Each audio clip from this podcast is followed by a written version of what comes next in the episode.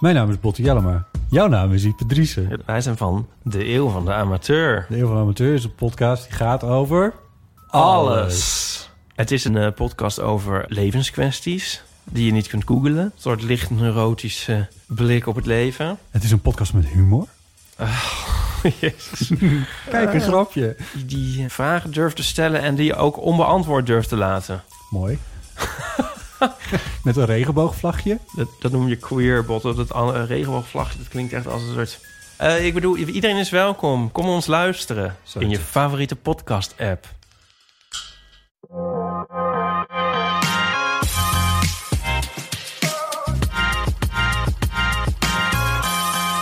We zijn er weer, de lange termijn. Twan, we hebben weer een, eh, een, eh, leuke week achter de rug, denk ik. Ja, sommige mensen wat leuker dan anderen. Ja, hoezo? Nee, ik zag jouw portfolio. Dat gaat de goede kant op.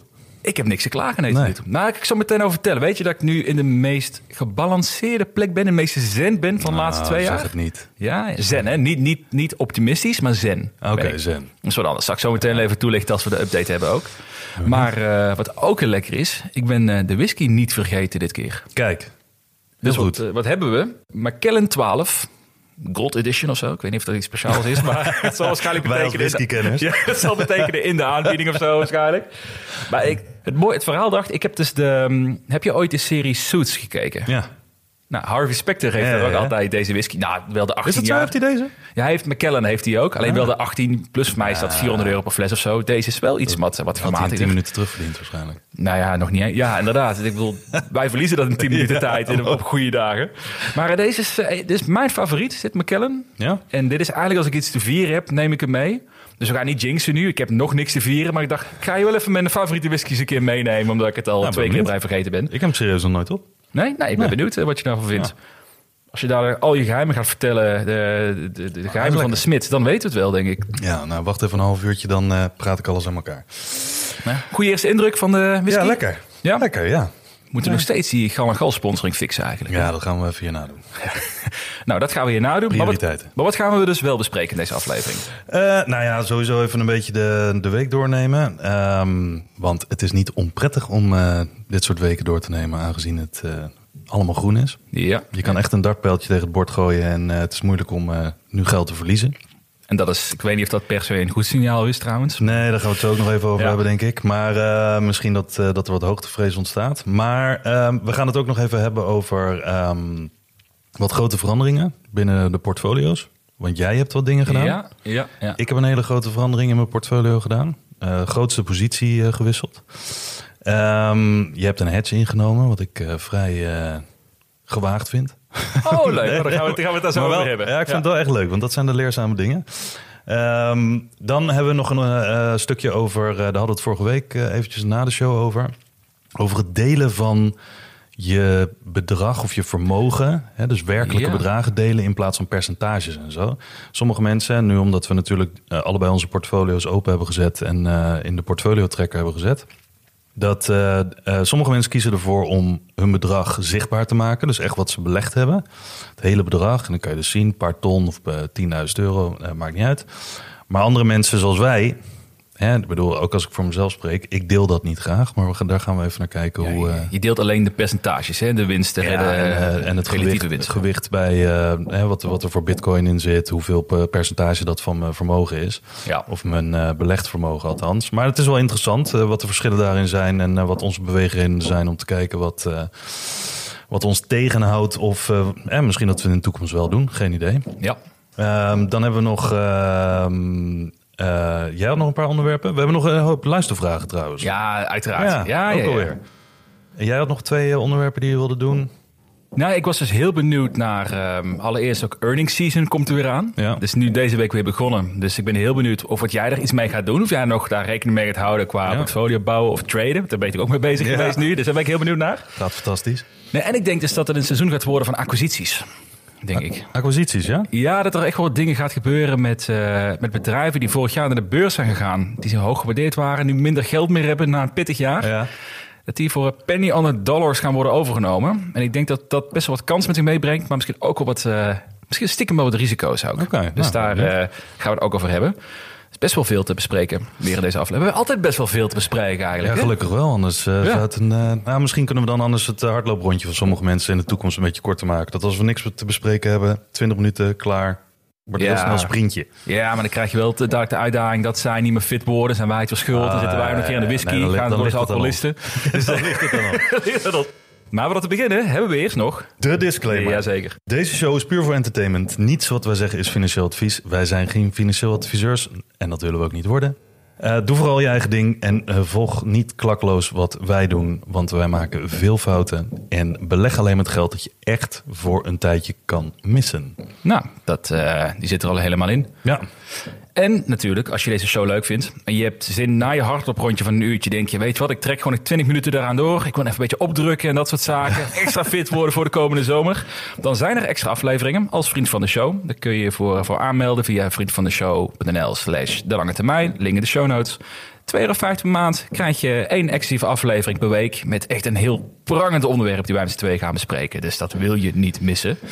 En we hebben weer, eh, weer twee vrienden mogen verwelkomen Ja. bij de show. Bram en Daan. Bram en Daan. Welkom. Ja, leuk dat jullie erbij zijn, eh gents, mannen. En eh, dat brengt de groep al naar vier mensen die al heel vroeg ons gaan, gaan steunen. Vier OG's hebben we te pakken. Mm, we hebben al een eh, verdubbeling per week. En je weet, als je zo vroeg steunt, je weet het nooit zeker natuurlijk, maar de kans is wel groot dat je dan heel veel succes gaat hebben op lange termijn hier in de mensen. Je krijgt extra karma, krijg je bij. Echt een lange termijn. Ja. Hele lange termijn kunnen we elkaar spreken termijn. weer. Alright, zullen we beginnen met het eerste onderwerp? Wat, Ja. eh, wat is er allemaal gebeurd afgelopen week? Nou, ik denk dat het sentiment redelijk is, is doorgeschoten. Als je kijkt Doorgeschoten naar, zelfs. Nou ja, doorgeschoten. Ja, want ik zat. Nou ja, het grappige is natuurlijk, wat is een beetje de drijfveer van sentiment? Hè? Positief sentiment of negatief sentiment? En in, in die zin kan je nu zeggen, ik zie heel veel, of heel vaak zie ik eigenlijk mensen dingen posten. Eh, ook charts en dergelijke. Op basis van de prijs. Niet zozeer op basis van wat er dan, hè, waar we het vorige week ook over hadden. Is er nou echt wat veranderd in de economie? Of is er wat veranderd in fundamentele dingen bij bedrijven? Nou ja, op tijd van twee weken lijkt me dat heel sterk dat er hè, heel veel dingen kunnen veranderen. Waardoor het in één keer van bearish naar bullish of andersom gaat. Maar als zo'n prijs of als alle koersen doorschieten en het gaat verder dan mensen denken, dan krijg je op een gegeven moment toch alweer mensen die denken van hé, hey, wacht even, hè, waar we het vorige week ook eventjes over hadden, van eh, zijn we dan niet te pessimistisch en gaat het gewoon niet, hè, gaat het gewoon eh, eh, positief doorschieten? En dat zie je nu ook wel. Veel prijzen, veel, nee, ik zeg altijd prijzen. Ik sta in de supermarkt, maar veel koersen die zijn dan de afgelopen weken doorgeschoten. En ehm, eh, zeker met Coinbase bijvoorbeeld. Ja. Ik had in de eerste twee weken had ik hè, een beetje, hoe noemen ze dat nou? Anchor bias of, of eh, recency bias. Dat het laatste wat ik had meegemaakt, dat waren alle dalingen. En dat er dan een klein eh, bubje omhoog was. Ja, en dat er dan vervolgens weer een stevige daling ingezet werd. Dus ik dacht bij de eerste, hè, bij de eerste stijging, dacht ik, nou oké, ik ga wat winst pakken in dat tradingportfolio. Eh, en vervolgens stond ik 100% cash, nog steeds. Heb je nog steeds En- niks gedaan? Nee, nog steeds niets Oeh, gedaan. Nee, iedere week pijnlijker nu, hè? Nou ja, het is- het- ja, maar dat is echt wel. Dat is, Ja? dat is zeker zo. Want als je de hele tijd cash staat, dan vervolgens, eh, ja, dan krijg je zo'n zo'n gevoel van: oké, ik ga de boot missen. Moet ik dan toch niet instappen? Het kan nog hoger. Eh, maar ik verwacht elke keer niet dat het hoger gaat, maar het blijft maar hoger gaan. Want als Ja. je ziet Coinbase, ik weet niet wat het was, want daar zitten we allebei in. Volgens mij iets van 60% of zo. Ja, nu bij, ja, 60% of zo inmiddels. Ja, Ja, maar echt is- flink. In drie weken tijd, ja. Ja, maar dat is echt bizar. Het was natuurlijk ook wel echt keihard gedaald. Ja. Daar gaat het niet om. Maar ik heb dan een beetje moeite om te geloven dat het dan hè, verder stijgt. Ook zelfs bij de 30% dacht ik dat eh, dat kan niet veel verder stijgen. Eh, maar ja, dat is gekleurd door de zes maanden ervoor. Ja. Ehm, ja, dus wat wat dat betreft, ik krijg dan een beetje hoogtevrees. En dan eh, in mijn eh, kernportfolio doe ik helemaal niks. Waar we het vorige keer ook over hadden. Dat, dat blijft gewoon staan. Daardoor zorg ik altijd dat ik niet door emotie bijvoorbeeld dingen ga doen die, waar ik later spijt van krijg. Maar in dat tradingportfolio, ja, daar kan ik dan wat meer dat soort dingen wel doen. Eh, en dat is niet heel erg goed. eh. ja, want ik heb even zitten kijken. Ik, ik sta nu in een trainingportfolio op 11%. Ja. Dat was eigenlijk na de eerste, nou, wat is het, zeven of acht handelsdagen was dat al. En als ik dat had laten staan, coulda, woulda, shoulda. Maar gewoon even als vergelijking. Ik weet dat de mensen zeggen van je moet niet terugkijken. Eh, maar dan was dat nu 38% geweest. Oh, oké. Dus dat was wel flink geweest. Ja. Maar dat, dat schrijf ik dan op en dat is dan een goede les. Want het kan altijd verder, dat zeggen ze vaak. Het kan altijd verder omhoog dan dat je denkt en verder omlaag dan je denkt. En Ja. dat blijkt maar weer eens. Alleen Ja, de vraag is nu, ja, waar gaat het vanaf nu heen? Is dit een, een rally waarvan je zegt, dit is het begin van de nieuwe boelmarkt? Ehm, dan worden er heel wat mensen voor de gek gehouden, net zoals ik. Want ik, ik, ik heb dat vertrouwen niet echt. Mhm. Misschien is dat ongegrond. Maar ehm, of, of is dit gewoon een, eh, een deel short covering? Ehm, eh, gaan we vervolgens weer naar beneden? Er zijn mensen veel te optimistisch en dan doet de markt altijd precies wat je niet wil. Hè? Want die straft altijd de meeste mensen. Ja, ja. Nou, het, het lijkt wel dat de, de, de beren zijn verdwenen. De beren zijn van de weg. eh, Ja, die zo zijn heel even een beetje stil, ja. ja. Ja. die hadden natuurlijk wel de overhand eh, afgelopen jaar. En heel terecht natuurlijk. Ik bedoel, het, eh, het- bleek ook eh, alleen maar naar beneden te gaan. Maar op dit moment is het best wel een kantelpunt geweest ineens. Je, de- eh, het is een beetje stil aan de, aan de berenkant. En het, eh, het wordt ook wel echt heel erg, hoe zeg je dat, euforisch aan de, Ja. aan de stierenkant, om het zo maar te zeggen. Ja, klopt. Eh, want je ziet in één keer ook weer met bitcoin en dergelijke... zie je allemaal weer koersdoelen... die ik in de afgelopen zes maanden... Ja, alleen maar heb gezien bij accounts waarvan ik dacht... ja, maar jij roept ook maar altijd wat... en je bent bullish for life en weet ik veel wat. Ehm, en dat, dat zeiden ze dan bij wijze van spreken... joh, eh, einde van 2022 staan we op 100.000 euro of dollar Ja, per ja, bitcoin... terwijl het op dat moment alleen maar aan het dalen was... en het stond op 17.000. Ja, ja goed. En, en, nu, en nu komen die dingen weer, eh, weer allemaal naar boven. Ja, het is eh, zoals ze mooi zeggen, risk on geloof ik. Hè? Ja. Maar wat mij het meeste opviel, daar hadden wij eens mij samen ook nog even over, of via Twitter misschien wel. Is, je ziet nu ook weer die berichten komen op bijvoorbeeld nu.nl, bijna eh, wekelijks of dagelijks. Met Bitcoin maakt een nieuwe hoogtepunt sinds september. Nieuwe hoogtepunt Ja. sinds oktober. Ja. Dat is natuurlijk olie op het vuur voor mensen die denken: oh, mogen we weer? Gaan we Ja. weer? Dan moet ik nu toch wel weer gaan instappen. Trekt natuurlijk een hoop kijkers, hè? Ik denk het wel, toch? Dat je eigenlijk daarmee wel een beetje de markt weer eh, op gang brengt. Niet dat de retail mensen dat verschil gaan maken erin, maar je krijgt wel natuurlijk weer dat die eh, de schwung meer op gang komt. Ja, maar ik denk dat wat ik meer bedoel is dat het trekt natuurlijk kijkers in de zin van hè, het trekt kliks, dat Mhm. soort berichten. Want heel veel mensen zijn dan hoopvol en die klikken erop en denken van ja, dat moet ik niet missen, zo'n nieuwsbericht. Want voor hetzelfde geld staat er iets in wat echt waar is. En dan, hè, oh jee, eh, ik ben gered en eh, mijn min 50% gaat straks naar plus 200%. Dus ik denk dat dat soort dingen, eh, dat soort berichten zijn heel makkelijk om, om te schrijven ten eerste. Ja, want ja, heel veel journalistiek is niet echt journalistiek meer. Dat zijn gewoon berichten op nu.nl. Heel veel is daarvan gewoon ook een beetje show. Ehm, voor de kliks. En eh, ik denk wat dat betreft, dat is wel olie op het vuur. Ja. Maar je kan dan wel zeggen, oké, wat voor mensen worden daardoor getriggerd om in te stappen of om hun positie te vergroten? Ja, dat zijn meestal de mensen die er ook als eerste weer uit zijn als het omdraait. Want die hebben weinig overtuiging, die gaan puur op nieuws en sentiment. Ehm, waarvan ik er ook een hoop ken. waarschijnlijk ook degene die juist de laatste paar maanden zijn uitgestapt. Die Ja. denken van nu, gaat het, nu ben ik er helemaal klaar mee. En die zien Ja. dan nieuwsberichten. Dat is natuurlijk een lullige van zo'n zo'n cycle natuurlijk. Ja. Dus dat je, het is altijd niet wat je van verwacht. Nou ik zag ook iemand op Twitter en eh, ik weet niet of dat dan altijd... Er zullen vast meer, meer mensen zijn die zich hierin herkennen. Maar ik zag iemand op Twitter en die, die zei... Ik heb echt stra- strategisch altijd de verkeerde beslissing. Ja. Als ik bang word, dan verkoop ik. Dan duurt het heel lang voordat ik tijdens zo'n bullrun of zo'n rally omhoog weer in durf te stappen. Dan stap ik in en dan ben ik een week, voel ik me echt een geniale belegger of, of speculant. En dan vervolgens denk ik van nou, dit gaat allemaal weer goed. En dan gaat het weer naar beneden en dan verkoopt hij weer. Dus eigenlijk ben je continu, stel Ja. dat je met 100.000 euro begint, om het zo maar te zeggen. Dan na een jaar sta je ineens op 40.000. Maar niet omdat je koersverlies 60.000 euro is. Maar omdat je gewoon elke keer met verlies hebt verkocht. Ja. En niet je winst hebt gepakt. En elke keer op het verkeerde moment in en uitstapt. Dus ja, dan, dan word je helemaal gek. Nou, daarom eh, focussen wij- ons ook op de lange termijn. Denk ik, erin. Dan Daarom. maak je geval jezelf minder gek. Daarom. En voordat we gaan praten over ons portfolio. Mhm. We gaan het niet weer vergeten deze week. Ehm, stem op ons. Of stem. Stem geven scoren, moet ik Ja. zeggen. Niet stemmen, we zitten nog niet in een verkiezing te pakken. Maar je- nou, we zijn natuurlijk nu druk bezig om deze podcast van de grond te krijgen. En eh, stemmen via Spotify, iTunes, die helpen natuurlijk ontzettend om de podcast onder de aandacht te krijgen. Ja. Dus ehm, je zou bijna kunnen zeggen, soort gentleman's agreement. Als je deze podcast graag luistert, vertrouwen we erop dat je ons ook wil helpen door een score achter te laten. Ja. Wij geven gratis content, jij geeft ons een duwtje in de rug. Best een mooie deal. Een belegger kan er geen nee tegen zeggen. Nee, nee, nee, zeker. Nee, dus, eh, dus als je ons wil steunen, stem even op Spotify en iTunes voor een mooie score. En dan eh, zijn wij weer geholpen. Ja, we hadden er al 26 volgens mij. Ja, ja het, 4,8. jouw hele familie, mijn hele familie. Mensen op straat. Hey, Mensen op straat. Deze? Vijf euro.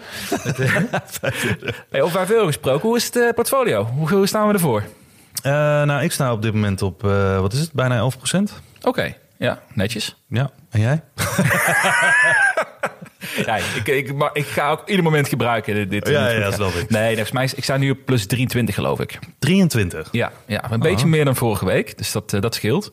Lekker. Dus het, ehm, En ik vond het wel gaaf. Ik had eens een paar portfolio's bekeken die heel erg op ETF zitten. Mhm. En die zitten nu een beetje rond de plus 5, plus 8 procent. Die echt voor een ETF Ja. zitten. En dan, ik moet, dan merk je wel echt het verschil tussen de portfolio's. Als je heel veilig bent, heb je nog steeds een prima jaar als je plus 8 procent doet dit jaar. Ehm, maar dan ga je ook 8 procent naar beneden in een slecht jaar. Ja. En in mijn geval nu staat je plus 23 procent in de maand. Maar ja, de volgende maand kan het ook wel min 23 procent zijn. Dus zie je toch hoe je het moeilijk soms vergelijken is. Gewoon resultaten aan zich ten opzichte van elkaar. Nou, zeker. Nou ja, als ik ook naar mijn eigen portfolio kijk nu, de dingen die, hè, ik weet niet hoeveel beleggingen ik in totaal heb, maar laten we zeggen dat het er 15 zijn. De top 5, dat zijn allemaal losse aandelen. Ja, ja logisch. Ja, maar, je, maar je onderste vijf waarschijnlijk zijn ook... Nee, maar onderste Want- vijf zijn eh, bijvoorbeeld eh, zilver, eh, een brede ETF. Oké, toch wel. Ja, dus dat zijn een beetje meer de, ja, hoe zeg je dat, de gemiddeld defensieve dingen. Inderdaad, wat je zegt, in een, in een slecht jaar pakt hij, nou ja, wat is het, min 8 of min 10 procent. Terwijl de rest, en zeker groeiaandelen, op min 40, min 50 kunnen staan. En ook Bitcoin en Ethereum en dergelijke. Maar ehm, nee, dus, dus de, de, de bodem van mijn portfolio, nou ja, goed, de bodem. Eh, alleen zilver is op dit moment year to date eh, volgens mij min 3% of zo. Maar voor de rest staat alles erboven. Goud ook erboven en dergelijke. Dus. Maar de top 5, en dat zijn ook echt wel scores. Eh, ook die, eh, die blockchain ETF. Oh ja. Volgens Ja, mij staat die ook op iets van plus 50, 60% of zo. ja mooi. Ja. En dan Coinbase, Shopify, Block, Spotify. Staan allemaal in de, allemaal top 5, top 6. Ik zag, ja, en dan merk, je, dan merk je het verschil. Nou ja, exact. Dan merk je ja. precies. En dan neem je meer risico. En deze momenten betaalt zich dat natuurlijk ook weer uit. Bedoel, dit scheelt je wel een min 75% op jaarbasis van mij vorig jaar. Laten we dat vooral niet vergeten. Maar je moet wel wat eh, inhalen natuurlijk. Ik heb er dit te halen, inderdaad. Nee, maar ik vind het wel altijd interessant. Hoort ik, ehm, ik had vorige week een discussie op, het, eh, eh, op de community, het forum van eh Portfolio Dividend Tracker ook. En dan heb je natuurlijk heel weinig context ook als je iemands portfolio ziet. En dan zie je, je kijkt naar eh, de absolute winst of absoluut verlies en daar trek je een conclusie vaak uit. Maar wat bijvoorbeeld voor een ETF-portfolio 20% is, min of plus, is superveel. Hè? Ja. Dan kan je twee of drie jaar duren om aan die 20% te komen. Ja. Eh, maar en, en als, je, ja, als je vijf losse aandelen hebt, stel dat jij alleen jouw, die aandelen hebt die je net had, dan is 20% is een, eh, is een maand of twee Ja. qua, qua beweging. Ja. Dus dat geeft zoveel, zoveel verschil daarin. Maar eh, hoe doen onze, onze luisteraars het, de lange termijn portfolio? Nou, die doen het ook goed. Die zitten tussen ons in. Eh 15% in de plus. Oké, oh netjes. Dus ja. dat gaat, eh, dat gaat eh, heel goed. En eh, ik geloof dat daar de, nou ja, de top is nog steeds een beetje in hetzelfde. Coinbase, Block Power, Mercado Libre. Ah ja, ja. En de bodem is, of tenminste de, de slechtste performers zijn geloof ik nog steeds Microsoft, Snowflake en Berkshire Hathaway. Ik snap dus Microsoft niet dat ze zo laag staan, nog steeds. Ja, er is de die- laatste week ook zoveel hype omheen met dat ChatGPT wat ze, wat Ja. ze in investeren. Ze, ze, het lijkt alsof Microsoft de- echt gaat chasen op de rol die Google had. Ja. Maar het, die hype, misschien omdat het zo'n groot bedrijf is, een grote market cap, vertaalt zich niet nog tot echt koersontwikkeling. Ja, ik denk dat het inderdaad moeilijk groot is om die, om die markt te bewegen. Of moeilijker in die Ja. zin. En, maar aan de andere kant, volgens mij hebben ze wel aan het begin van het jaar ook wel even een flinke dip gehad. En daarna heeft de hele markt zich hersteld. Dus die, die kwam van verder. Laat ik het Ja, zo zeggen. Als je year kan to date ook, kijkt. Hè.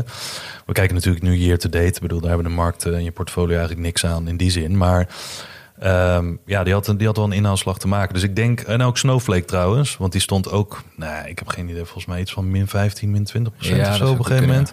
Ja. Ja, staat nu nog op min 5, min 4. Eh, dus wat dat betreft heeft hij ook een enorme inhaalslag gemaakt. En dan hangt het natuurlijk ook vanaf... Zat je daarin vanaf het begin of hè, stap je geregeld in... met wat extra maandelijkse of wekelijkse inleg? Ja. ja dat zegt ook eh, in die zin niet zoveel. Maar eh 15% voor het, voor het portfolio van, eh, van de luisteraars. Nou, goed begin. Zeker een goed begin. Dus eh, ja, hartstikke leuk. We kunnen, we kunnen bijna cursussen gaan verkopen van hoe bouw je portfolio. Ja, zullen we het iets langer trekken dan, Ja, eh, dan twee, drie weken? Ja, misschien moeten we ook de korte termijn een aparte serie starten. Als we, We dat kunnen wel een cursus lanceren. eh, Doe niet wat wij doen. Ja, dat is ook een hele leuke. Spaart je ja. fouten. Nou ja, dan ga ik even terugwerken de kracht naar vorig jaar kijken. Dan ga je geld verdienen op met wat Ik je denk, niet gaat ik doen. denk dat ik wel zes cursussen kan beginnen daarin. nou, la- laten we vooral niet te veel cursussen starten, denk Nee, ik. Ik word helemaal gek van de laatste tijd weer. Maar ehm, portfolioveranderingen. Jij hebt wel een grote wissel gemaakt. Ja, grote wissel. Ja, grote wissel van positie in die zin. Eh, ik heb, eh, dus, nou ja, hè, zoals mogelijk bekend is, eh, mijn portfolio ingedeeld in bescherming, inkomen en, en groei. Mr. Big. Mr. Big. Ehm, binnen dat inkomengedeelte eh, moet ik even terug naar. Nou ja, ik denk dat ik al tien jaar belegde in de Vanguard All World ETF, VWRL. Eh, tot eind 2021. En toen dacht ik van oké, de groei is wel een beetje uit de markt. Echt heel toevallig en super lucky, want twee weken later begon de daling. Ah ja, ja. Nou ja, prima. Eh, dat was eh, inderdaad meer geluk dan wijsheid. Maar ik had zo'n gevoel van oké, ik wil minder dus mijn eh, grootste gedeelte van mijn portfolio in een ETF hebben die op ehm, dus minder richten op total return. Mhm. En daar is zo'n VWRL wel goed voor. Ehm, maar ik wilde me meer gericht op dividend. Omdat ik wat meer passief inkomen wil opbouwen. Want uiteindelijk mijn doel is om over x aantal jaren... en dan heb ik het echt over ver in de toekomst... mogelijk eh, met mijn pensioen, ook al heb ik een hekel aan het woord... ehm, om, om van een deel van dividend te leven. Maar mag, mag, mag ik snel een vraag tussendoor stellen? Nee. Nou, toch. maar, ehm, maar daar ben je nu al mee bezig om iets meer te schuiven richting dividend dan. Nou, en dit is dus een goed punt. Want dat was ook mijn vraag. Waarom doe ik dat nu al? Ja, nee, ja, precies. Ja. Maar voor de eind 2000, ik denk dat ik eh, eind 2021 meer iets zocht van ik wil niet uit de markt stappen, maar ik wil wel iets defensiever worden Mhm. en iets meer richten op waardeaandelen bijvoorbeeld. Want ik dacht, ja, weet je, de grootste groei is er een beetje uit, zo voelde het althans. En uiteindelijk dacht ik van oké, als ik het enige wat ik doe in dat potje inkomen, wat ik dan noem inkomen voor later. ehm, het enige wat ik doe is als ik daar iets in verkoop, dan verkoop ik de hele positie en ruil ik het om voor iets anders. En dat heb ik toen gedaan, van VWRL naar VHYL, dus de Vanguard Dividend ETF. Maar de afgelopen maanden ben ik gaan wikken en wegen en dacht ik van ja, eh, dat dient mijn doel niet echt meer om nu al te gaan bouwen aan dividend. Want ik heb geen inkomen op dit moment nodig vanuit dividend. En ik denk ook, en dat, dat zei ook terecht iemand tegen mij op Twitter. Als je die, belegt voor dividend, want er zijn natuurlijk echt hardcore dividendbeleggers, die focussen zich alleen maar op dividend. En misschien hebben ze nog 10% groei erbij of wat dan ook. Maar je moet wel echt het gros van wat je doet richten op een bepaalde strategie. Nou, bij mij was het een beetje van alles. En daar hoorde dan dat dividend bij als 25% van mijn portfolio. Ehm, dat wilde ik wisselen. Eh, dus ik heb nu dat omgewisseld naar een soort vergelijkbare ETF wat ik daarvoor had. Die was distributing, dus die keerde elke dividend uit. Want daar wordt ook dividend uitgekeerd in, zo- eh, uitgekeerd in zo'n brede ETF. Maar dat wilde ik niet. Ik wilde gewoon een accumulating hebben. Dus Ja. dat wordt het verwerkt in de koers. Dus ik heb nu IWDA van iShares eh, gekozen. Ook een brede ETF, meer dan 1300, 1400 posities. Ik heb mijn hele VW, VHIL, eh, YL, Vanguard ETF heb ik verkocht. Een minuut later bij de Giro gewoon helemaal omgezet in eh, IWDA. Dus eigenlijk gewoon nu volledig toch weer gestopt met dividend en toch weer Ja. de focus op gewoon eh, bouwen van vermogen eigenlijk. Meer Ja. focus op de koersstijgingen. Ja, en Ja, iemand ja, ja. eh, de, de wees mij erop, Tom.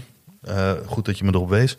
Die zei: ehm, Ben je dan niet een beetje van eh, broekzak, vestzak eh, aan het doen in die zin? En heb je dan niet wat verlies gepakt? Hè, want eh, als je, de, als je zo heen en weer binnen een jaar, of eigenlijk bijna binnen een jaar, eh, twee posities eh, zo wisselt, of één positie zo groot wisselt, heb je dan niet uiteindelijk koersverlies gepakt? Maar dat was een beetje de mazzel misschien. Ik ben van, van die wereld-ETF naar die dividend-ETF gegaan en weer terug naar een wereld-ETF. En in de tussentijd heeft die wereld-ETF, vanaf het moment dat ik hem omwisselde eind 2021, heeft hij ongeveer 10% verlies geleden. En mijn dividend-ETF vanaf het moment dat ik instapte iets van 3% winst. Dus ik heb uiteindelijk iets van 13%. Eh, ja, om en nabij de 13% zal niet helemaal zoveel zijn. Eh, maar zeg 10% koerswinst gepakt. Dus daarmee kan je zeggen, nou, door die wissel heb ik ook weer 10% meer aandelen kunnen kopen in IWDA. Nou, ik vind dat wat je nu zegt, vind ik eigenlijk wel een hele interessante. Ik merk dat dat iets is waar ehm, heel veel beleggers zich volgens mij in vergissen. Waar ik zelf dingen onbewust ook doe. Is dat je het gevoel hebt dat je eh, je koersverlies moet compenseren met datzelfde aandeel. Dus de- wat, wat je nu Ja. zegt eigenlijk, de vraag van nou, verlies je dan niet een beetje erop? Ja, het maakt eigenlijk helemaal niet uit. Je, maakt een, je hebt een verandering van inzicht. Je Ja. gaat naar het aandeel terug en daar ga je, je moet kijken Ja. wat je de komende periode kan gaan verdienen. En niet eerst het verlies, eventueel verlies goed maken met het andere voordat je overstapt. Nee, dat klopt. Mensen hebben, ik heb dat zelf ook wel eens hoor. Maar ik herken het zelf ook hoor. Ja. Jij ook toch? Ja. Ja, nee, zeker. Want ik bedoel, maar mensen zijn wat dat betreft te veel emotioneel getrouwd met, eh, met één type belegging bijvoorbeeld. En ik moet het daarop goed maken. Ik heb vroeger wel eens gehad dat ik dacht van, ah, ik sta nu bij de Giro. Nou, en dan kon je het wel het overzicht kijken. Ehm, ik stap nu in op dit, want ik wil daar een ritje mee maken. Oh, daar heb ik eh, twee jaar geleden heb ik daar 600 euro verlies op gehad. Oh, dan wil ik wel even naar de nul trekken, want Ja, eh, dit ziet er ja. niet helemaal goed uit in het overzicht. Weet je. En dan denk ik, waarom doe je dat? Ja. Waarom, waarom is dat een soort competitie met jezelf of zo? Maar goed, je kan het natuurlijk op andere manier kan je het helemaal goed maken. Dus het, uiteindelijk gaat het erom dat je portfolio in balans is. Het een herstelt het ander. Je mag best fouten maken, dus eh, dat, dat doe ik ook. Ehm, dit was een mazzeltje. Ja. Ja. Had, ik het ook, had ik het gedaan als eh, het andersom was geweest. Dus dat eh, ik 10% had moeten inleveren. Ja, dan had ik het ook gedaan. Nou ja, precies. Maar dat Ja. is denk ik juist het uitgangspunt. Volgens mij is de, ehm, de makkelijkste signaal bij jezelf om dat te herkennen dat dat eigenlijk onlogisch is. Maar die, die, ra- die rationele. Is dat je zegt, nou, ik wacht even tot de koers weer, tot ik op break-even draai en dan stap ik eruit. Ja, Ja, maar als je eruit wil stappen, stap dan nu eruit als je niet in gelooft. Ja. Of je blijft er langer in zitten en gaat het goed maken met iets anders. Maar niet, als het break-even is, als ik weer op nul sta, dan stap ik er zo snel Nee, mogelijk precies. uit. Dan Ja, weet je dat je voor de verkeerde reden het doet, ja denk ik. d- dat kan ook heel lang duren. En dan ga je ondertussen weer twijfelen. Maar je hebt het toch ook gedaan met Pinterest op een gegeven moment? Die heb je toch ook verkocht voor iets anders? Ja, zeker. Maar die heb ik wel met verlies verkocht. Ik heb niet gewacht tot die weer break-even Nee, stond. nee, maar ik bedoel, dus dat heb je op dat moment. Want ik vind dat, hè, ik weet niet hoe jij er dan over dacht op dat moment, maar ik vind dat het een heel sterk punt dat je zegt van, oké, mijn overtuiging is veranderd. Moet ik nou nog, terwijl ik iets wil doen Mhm. en er volledig voor iets nieuws wil gaan, of voor een verandering wil gaan, want er kunnen ook situaties veranderen waardoor je denkt van, hè, het, het voelt niet meer prettig om eh, waar ik nu in zit. Verander het gewoon, Ehm, want daar sta je achter. Maar als je dan vervolgens nog vijf of zes maanden moet gaan wachten totdat je dat kan gaan veranderen, ja, dat, dat is. Dan ga je zes maanden jezelf een beetje een soort schaduwstrategie aanmeten tot dat zus en zo. Eens, ja. Ja, en je hebt dat ook Ja. gedaan met verlies verkocht, omdat je denkt, ik zie een betere kans ergens anders. Dat is het, inderdaad. Gewoon herallokeren van het geld was Ja. dat. Was uiteindelijk de eerste weken leek het geniaal. Volgens mij steeg toen eh Coinbase, of nee, ik had dat geld gestopt in Canoe. Die waren heel zwaar gedaald. En ik vond er nergens op slaan. Want ze hadden net, mij net een hele goede earnings call gehad. Of een goede earnings call gehad. De, ik zette het van Pinterest naar Canoe. Omdat Pinterest op dat moment heel zwaar weer kwam. Omdat de recessieberichten kwamen. De digital advertising spend werd minder. Dus ik had het overgezet. Week daarna 40% daarop eh, rendement gemaakt. Op dat geld wat ik van Pinterest had verkocht. Ik dacht Zo. van, zo doe je dat. Hè? Ook een beetje, scha- een Ja, beetje borstklop op Twitter. Van, kijk, dit is hoe je het moet doen ook. Hoezo is dit moeilijk? Hoezo? En nu zijn we denk ik een anderhalf maand later. Nu staat eh, Pinterest mij 30% hoger. En Canoe staat weer op punt. dus het gaat alle kanten op. Het, je weet het ook gewoon Maar het punt is wel dat je dan De onderbouwing klopte wel. In Ja, de onderbouwing geval. Dus kan je er dan spijt van hebben? Nee, want op dat moment had je de informatie waar je op handelde. Exact. En achteraf kijken is natuurlijk altijd makkelijk. Oké, maar jij bent dus nu gegaan van dividend weer naar vermogen bouwen. Voor mij hebben we zo meteen dadelijk verderop ook een vraag over dividend. Ik kan nog een keertje op inhaken. Eh, ik, ik zelf ben ik dus gestart met een eh verdedigen of het hedgen van mijn portfolio. Ik voelde mij echt opeens zo'n moderne belegger. Hoe voelt dat? Hoe voelt dat? nou, ik zei net al in de introductie. Ik moet wel toegeven. Nou, eerst even wat ik gedaan heb. Ik heb een, ehm, ik heb een hedge ingenomen door een positie te openen in de Short ARC ETF. Ja. Dus dan kan je gewoon via de Giro zo'n ETF. En die, die reageert eigenlijk als de ARC Invest ETF daalt, gaat deze koers omhoog. Ja. Zo. En ook eens een keer met drie keer leverage. Dus het heeft- is beho- eh, behoorlijk eh, vermenigvuldigd. Ja. Ehm, wat mij betreft is dat een hele simpele manier om te hedgen. Omdat ze hedgen tegen een heel innovatiegedreven portfolio van ARC. Eh, je hoeft geen put-opties te kopen of dat soort, eh, dat soort zaken. Het is allemaal ingewikkeld. Dus hele goede manier en veel liquiditeit. Je kan er, of genoeg liquiditeit, je kan er zo uitstappen als je wilt. Ja. Dus het is een hele goede eh, manier, denk ik, om dat ehm, te hedgen. Maar het komt ook omdat wij natuurlijk de laatste afleveringen... en net ook weer over hebben gehad... dat het een beetje gek voelt hoe euforisch het nu is. Terwijl we dat niet echt... Het is niet dat het vet heeft gezegd, jongens, we gaan stoppen ermee met rente Ja. verhogen. Dat Nee. is niet echt fundamenteel reden geweest. Dus, maar ik moet dus wel zeggen, ik heb nu dus een klein deel van het portfolio, 6,5% heb ik dan in een, in een die hedge positie zitten. Waarom, waarom 6,5 procent? Ja, ik moet, ik moet zeggen, ik had eerst 2,5%, maar dat voelde echt te weinig. Ik heb doorgerekend, als ik 6,5% heb, ik heb gekeken naar het dieptepunt in eh, november van mijn portfolio.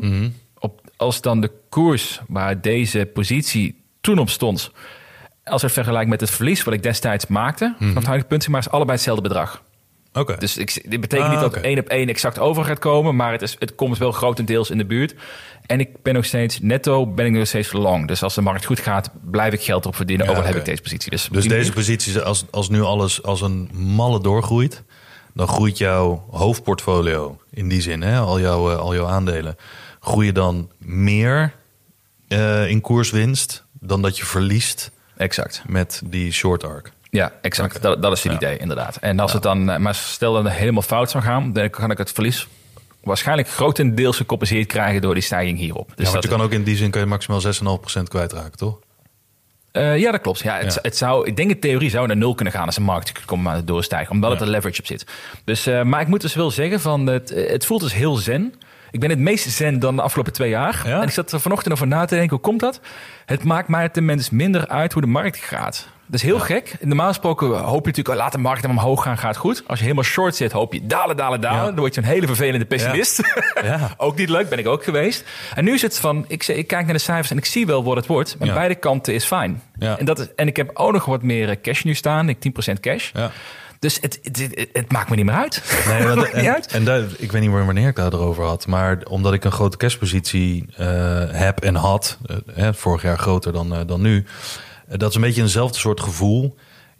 Als het stijgt, ben je hartstikke blij dat je, dat je aandelen en dergelijke in waarde toenemen. Maar als het daalt, dan heb je cash om bij te kopen. Dat, dat, dat je niet directioneel op één punt gefocust bent. Mhm. Dus het- het moet omhoog, want anders heb ik eh, problemen. En het moet omlaag, want anders heb ik problemen hè, voor shorters bijvoorbeeld. Exact, ja. Dat is heel onprettig. Eh, Dat is ook best wel, ja, dat, dat zijn, hoe noem je dat, weddenschappen met jezelf in die zin, eh, ja, waar ik zelf heel onprettig van word. Mhm. Kijk, natuurlijk in een raging bull market is het eh, eh, nou, behoorlijk raar als je, als je 30% of 40% cash hebt staan. Want dan ga je op een gegeven moment wel denken van, oké, nu mis ik wel een hoop. Ja, ja. Maar het is heel prettig. Ja. Ik vind het wel mooi dat je dat, eh, dat, je dat met zo'n instrument doet. Want volgens mij is die ook nog niet zo heel erg oud, toch? Nee, die is voor mij pas sinds eh, juni of juli vorig jaar of zo pas geopend. Ik zie wel Dus, steeds eh, meer mensen trouwens. Misschien is dat onze bubbel waar we in leven op Twitter. Maar ik zie steeds meer mensen die daar geïnteresseerd in raken. Ja, klopt. Ja, ik heb een paar keer over gehad. Mark is heel eh, f- fanatiek fan van deze ETF. Ja. Die heeft mij eh, redelijk leuk mee kunnen traden ook. Je hebt ook een, een ARC Long, heb je ook nog. Ook nog drie Ook keer eh, leverage. Dus dat Zo. kan je ook de andere kant spelen als je het wil. Maar goed, dan... Ja, misschien is dat interessant voor kleine positie om te speculeren. Maar dan zou Ja. ik zeggen, ga dan gewoon lang op aandelen, zou ik denken. Maar, maar, maar ik vind dit wel een hele, ehm, een hele interessante, omdat het dus zo hard kan gaan. Dus als Ja. voorbeeld, nu staat hij volgens mij op 3,10 euro geloof ik qua koers. Ja. En ehm, in november, toen de markt het laagste stond, sentiment het laagste was, was hij doorgestegen naar iets van 20 euro per koers. 20 euro? Ja, dus zes keren dan wat hij nu staat. Zo. Dus dat is best, best, ik kan heel hard gaan daarin. Zo. Kan ook zo naar nul gaan waarschijnlijk als het... eh, Heb je ook voor jezelf bepaald wanneer je er dan uitstapt? Goeie vraag, niet gedaan. Oké. Zou ik wel moeten doen eigenlijk. Les 1. Nou ja, Als je instapt, bepaal ik je uitstap. Ja, maar ja, in, ja, in principe eigenlijk, eigenlijk, wel, eigenlijk wel. Alleen omdat het een hedge is tegen een eventuele downturn erin. Totdat ik denk dat daar geen downturn meer in is. Kijk, ik laat het zo zeggen. Als de, ehm, eh, als de Fed de binnenkort gaat zeggen... nou, wij zien dat er geen recessie komt, we gaan rente stoppen... dan durf ik wel zonder hedge verder te gaan. Dan ga ik verkopen op dat moment, Ja, want dat is niet meer nodig. Maar op dit moment ben ik best wel eh terughoudend erin... om te kijken waar we heen gaan. Ja, dus je zit er ook wat meer bovenop. Ja, zeker. Ja, Ja, natuurlijk iedere dag even kijken, een beetje traden en zo. Nee, maar dat, nee, ik ben, natuurlijk kijken we, kijken we daarnaar. Dus, eh, hey, ik je hebt nog een, eh, een leuke vraag gehad net. Die vond ik best wel eh, interessant. Die je bij de introdu- introductie over had. Is over het openbaar stellen Ja. van iemands portfolio. Ja. Volgens mij hebben wij daar... Ik weet niet of we daar helemaal een andere mening over hebben. Maar wat, wat is jouw uitgangspunt? Laten we, daarmee beginnen. Nou ja, laat ik allereerst zeggen dat het delen van, van het gehele bedrag wat je ergens in hebt zitten, in dit geval hè, iemands vermogen, of ik, ik zie wel eens mensen die hun portfolio delen. Ten eerste weet je niet of dat echt zo is, want het kunnen gewoon screenshots zijn van iets, of het kan gemanipuleerd zijn, maakt allemaal niet uit. Ik bedoel, als iemand gewoon een screenshot maakt van zijn portfolio, Van zijn- bedoel je? Ja, van het bedrag van zijn portfolio. Oh, ik heb, Ja, eh, ja, heb ja. 800.000 euro eh, totale waarde in mijn portfolio zitten. Weet je, zelfs met zo'n tracker kan je dat manipuleren. Dat maakt allemaal niet uit. Maar goed, laten we ervan uitgaan dat mensen daar heel transparant en eerlijk over zijn. Wat ik ook zeker aanmoedig, want daar kan je van leren. Dan zie ik nog wel een verschil tussen mensen die zeggen van... ehm, ik deel wat ik doe. Dus alle acties die ik onderneem, wat de gemiddelde aankoopkoers is, wat de, de weging in mijn portfolio is. Maar ik deel niet mijn totale vermogen. Ja. Omwille van hè, veiligheid, eh, je voelt je er oncomfortabel bij. Maar ook omdat ik denk dat er een redelijk taboe eh, rust op eh, grote bedragen delen. Want kleine bedragen delen mensen weer veel makkelijker dan grote Ja. bedragen. Klopt, klopt. Eh, word je anders aangekeken. Veel mensen weten ook niet van hun vrienden hoeveel ze hebben en dergelijke. Dus daar wordt nog best wel, ja, toch best wel een beetje sceptisch of, of, of weet ik veel raar over gedaan. Ja, het, het past niet helemaal bij het Nederlandse karakter. Hè? Open zijn over je vermogen, over het geld. Nee, en dit is dus best wel ja, bijzonder. goed punt. Want ik, ik heb ooit voor een Scandinavische organisatie gewerkt. En daar kon je dus letterlijk, in Noorwegen, kon je dus letterlijk zien wat iemand die je gewoon op straat tegen zou komen en een naam zou weten en weten waar die werkte, wat iemand verdiende. Want dat is gewoon allemaal openbaar. Dat Mhm. Ja. kan je gewoon opvragen. Dus als iemand een sollicitatiegesprek had, kon je ook niet faken dat je in je vorige baan iets anders kreeg dan dat je kreeg. Dus dat lag gewoon allemaal op straat. Nou, dat- dat- maar dan moet iedereen het doen. Weet je wel? Want als je de enige bent die het doet, of een van de weinigen, ja, dan voel je er toch vaak wel wat oncomfortabel bij. Ik vind het delen van mijn totale vermogen. Want dit is een beetje krom. Mhm. Ik wil het niet delen, wat mijn hele vermogen is. Ja, je, je absolute bedrag wil je Absolute niet delen. bedrag. Ja, ja. Ehm, en dat is puur omdat, eh, ja, een beetje uit veiligheidsoverwegingen. eh, hè, ik heb een dochter, eh, gezin. Ik, ik voel me daar niet heel prettig bij. Mensen weten waar ik woon, bla bla bla. Mhm. Ik ben natuurlijk met naam en toenaam eh, op allerlei fora te vinden. En eh, LinkedIn en noem het maar op. Dus Praktisch kunnen- bekend Nederlander inmiddels. Bijna wel. Ja, ja ik moet, het moet echt even, eh, even opletten dat als ik de deur uitstap... dat ik dan niet door allerlei camera's overvallen word. Ik Maar vind het goed. ook gek dat je drie gouden Rolex gewoon voor je raam hebt staan hier ook in je appartement. Ja, Maar, maar echt showen, jongen. Ik heb, ik, ik heb ook een gouden Lambo voor de deur staan. Nee, maar, nee, maar dat is dus ja, maar dat is mijn overweging. Een beetje veiligheid. Ik zou me er oncomfortabel bij voelen. Maar het kromme daaraan is... ik word wel meer geïnspireerd... Mhm. door mensen die het openbaar delen. Oké, ja. En de reden is, ik bedoel, mensen die hun portfolio openbaar zetten, hè, wat je net ook al in het begin zei, van de context mis je vaak. Eh, Mhm. hoe is iemand aan dat portfolio gekomen? Heeft hij veel verdiend? Heeft hij een erfenis gehad? Noem het maar op. Weet je. Maar ik vind het heel inspirerend als iemand een vergelijkbare situatie heeft als die van mij. Hè, dezelfde situatie in zijn leven, dezelfde fase, eh dezelfde soort banen gehad, inkomen, beslissingen gemaakt. En dan bijvoorbeeld verder is in zijn opgebouwde eh, belegde vermogen dan dat ik ben. Dan zou ik heel graag willen weten, hoe ben je daar gekomen? Wat voor beslissingen heb je gemaakt? Want daar kan ik van leren. Ik heb daar dan geen jaloezie bij. Dat heb ik sowieso heel weinig, ja- jaloezie. Maar ik zou wel geïnspireerd kunnen raken door bijvoorbeeld, nou bijvoorbeeld Pim van, Mhm, eh, ja. van de portfolio dividendtrekker. Ja, hij heeft hem wel helemaal openbaar. Die heeft hem Ja. helemaal openbaar. Nou, dat vind ik een mooi, mooi bedrag wat hij erin heeft zitten. Ja, ja, ja. Dat is een goed, eh, goed belegvermogen. Dus, eh, maar dan denk ik, oké, hoe ziet zijn vermogen dan uit? Hoe is dat opgedeeld in risicovolle dingen, minder risicovolle dingen in zijn portfolio? En dan denk ik, nou, ik zou best wel willen weten waarom. Stel dat iemand 800.000 euro in zijn portfolio heeft en die heeft 50% in bitcoin zitten. Ik zou niet willen weten, hè, eh, wat is dit nou weer? 50% is veel te risicovol. Eh, je bent eh 45, je hebt een gezin, waarom doe je zo risicovol? Maar meer, ja, wat zijn je beweegredenen? Hoe, hoe slaap je? Ja, dat. Ja, ja. Dat zou ik heel inspirerend vinden. Terwijl als iemand natuurlijk het niet openbaar zet... en 50% in bitcoin zit en 50% in ARK...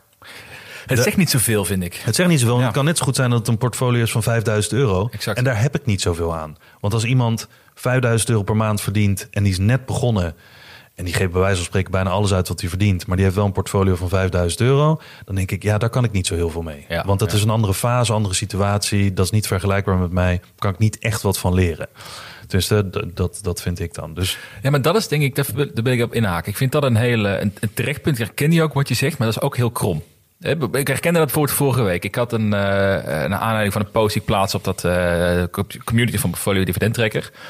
Ehm, best wel veel gemixte reacties. Hè. Heel veel mensen daar zitten meer in eh, meer jouw stijl, denk ik. hè. Meer de, de gespreide, gespreide portfolio en niet te veel risico willen nemen. Nou, ik Ja. heb natuurlijk een super onorthodox portfolio vergeleken met de gemiddelde belegger. super leerzaam. Eh, heel leerzaam, maar ook mensen vinden daar iets van. En dat, is ook, dat vind ik ook heel logisch daarin. Maar wat ik dan ging doen, onbewust doe je dat toch. Je krijgt toch, eh, zeg maar, ongevraagde tips krijg je. Ja. En je gaat toch kijken, oké, hoe wordt is dan jouw portfolio-stijl ook? En onbewust merk je toch dat iemand die bijvoorbeeld serieus in mijn beleving bedrag erin heeft zitten, dat ik anders naar de reactie kijk dan iemand die Ja. 3000 euro erin heeft zitten. Ja. Dan denk ik van ja, maar wij spelen niet op hetzelfde niveau. Ik bedoel, ik, ik bedoel niet arrogant, maar je snapt wel wat ik- bedoel. Ja, ja, ja. Nou, we denken van ja, wij hebben hele andere belangen en uitgangspunten en ook en risico's. andere risico's die we, die we daarin nemen. Maar dat zou het eigenlijk niet mogen zijn. Want iemands mening, iemands input, of hij nou 3000 euro portfolio heeft of 300.000 portfolio. De, de, de, de kracht van die input, de waarheid van die input, doet geen afbreuk aan hoe de groot portfolio van iemand is. Of die Nee. gelijk of niet gelijk heeft. Maar ze voelt het wel. Ja, maar dat is natuurlijk ik, ja, eens. Dat, dat is zo. Ik denk ook overigens het advies wat mensen aan een ander geven, dat geven ze eigenlijk aan zichzelf. Ja, vind Want je krijgt heel Ja. vaak krijg je natuurlijk door, ah, dat is veel te risicovol. Maar eigenlijk zeggen ze tegen zichzelf: dit zou ik nooit doen, Goeie. want ik durf dit niet. Ah. Of eh, ik heb dingen meegemaakt en ik ben al een keer, eh, ik heb mijn vingers al een keer gebrand. Dus het is vaak niet eens zozeer een advies aan degene die het doet. Want waarom zou je druk maken over wat iemand anders doet? Lekker boeien. Je kent iemand niet en er zit niet in je leven en het heeft ook geen gevolgen voor jou. Als jij helemaal nat gaat op je portfolio, diegene die gereageerd heeft, ja, die zal er niks van merken. Ja, vind ik goed Dus Ja. advies aan jezelf eigenlijk, denk ik. Als je naar iemand anders... eh, of eh, advies aan iemand anders geeft. Ehm, maar ik denk ook dat het zou niet moeten uitmaken, maar het maakt wel uit, omdat namelijk heel vaak bij een groot portfolio, dus qua een hoog bedrag, horen bepaalde keuzes die mensen in het verleden hebben gemaakt en die ze nu maken, terwijl je dat met een klein portfolio minder eh, dat er minder keuzes bij horen. Tuurlijk voor die persoon op, zichzelf wel. Ik, ik weet nog dat ik eh, mijn eerste 5000 euro had om te beleggen. Dat voelde allemaal net zo serieus als nu. Want dat was mijn hele vermogen. Voor jou is 5000 euro toen hetzelfde als nu misschien 100.000 euro qua, qua gevoel. Ja. Alleen omdat ik al een hele weg heb afgelegd om te komen waar ik nu ben, Mhm. telt dat wel mee in het hele verhaal van wat kan je kwijtraken, hoe manage je dit risico, eh, hoe ver wil je gaan eh, met risico nemen in, in ruil voor rendement. Ja.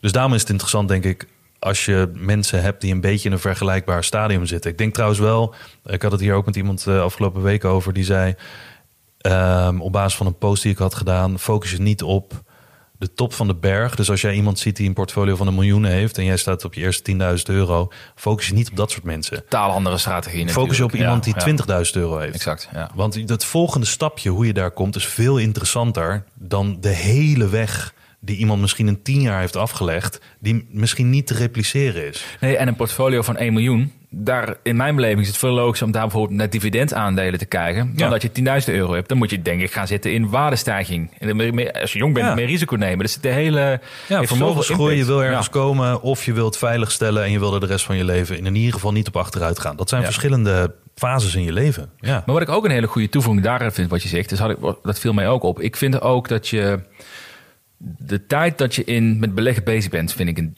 een interessante. Volgens mij haal je dat niet helemaal uit de trekker. Want ik, heb het, ik zag heel weinig portfolio's die echt lang doorlopen. Ik kan van jou ook niet terugkijken tot vijf jaar geleden, denk ik. hè, Omdat je niet via de Giro of zo misschien vijf jaar geleden deed. Nee, ja, dat is inderdaad. Ik had het daar met Pim over. Dat eh, ik beleg al 16 jaar. Ja. Maar om dan die duizenden transacties handmatig te gaan invoeren, omdat het via 6, 7, 8 verschillende brokers is gedaan, denk ik, ja, weet je, ik ben gewoon gestart op 1 januari. Ik heb de waarde op dat moment ingevuld. Dus vanaf 1 januari dit jaar klopt het. Ik denk dat heel veel mensen dat hebben. Ja, Die ja. hebben geen zin om handmatig al die dingen te gaan invoeren.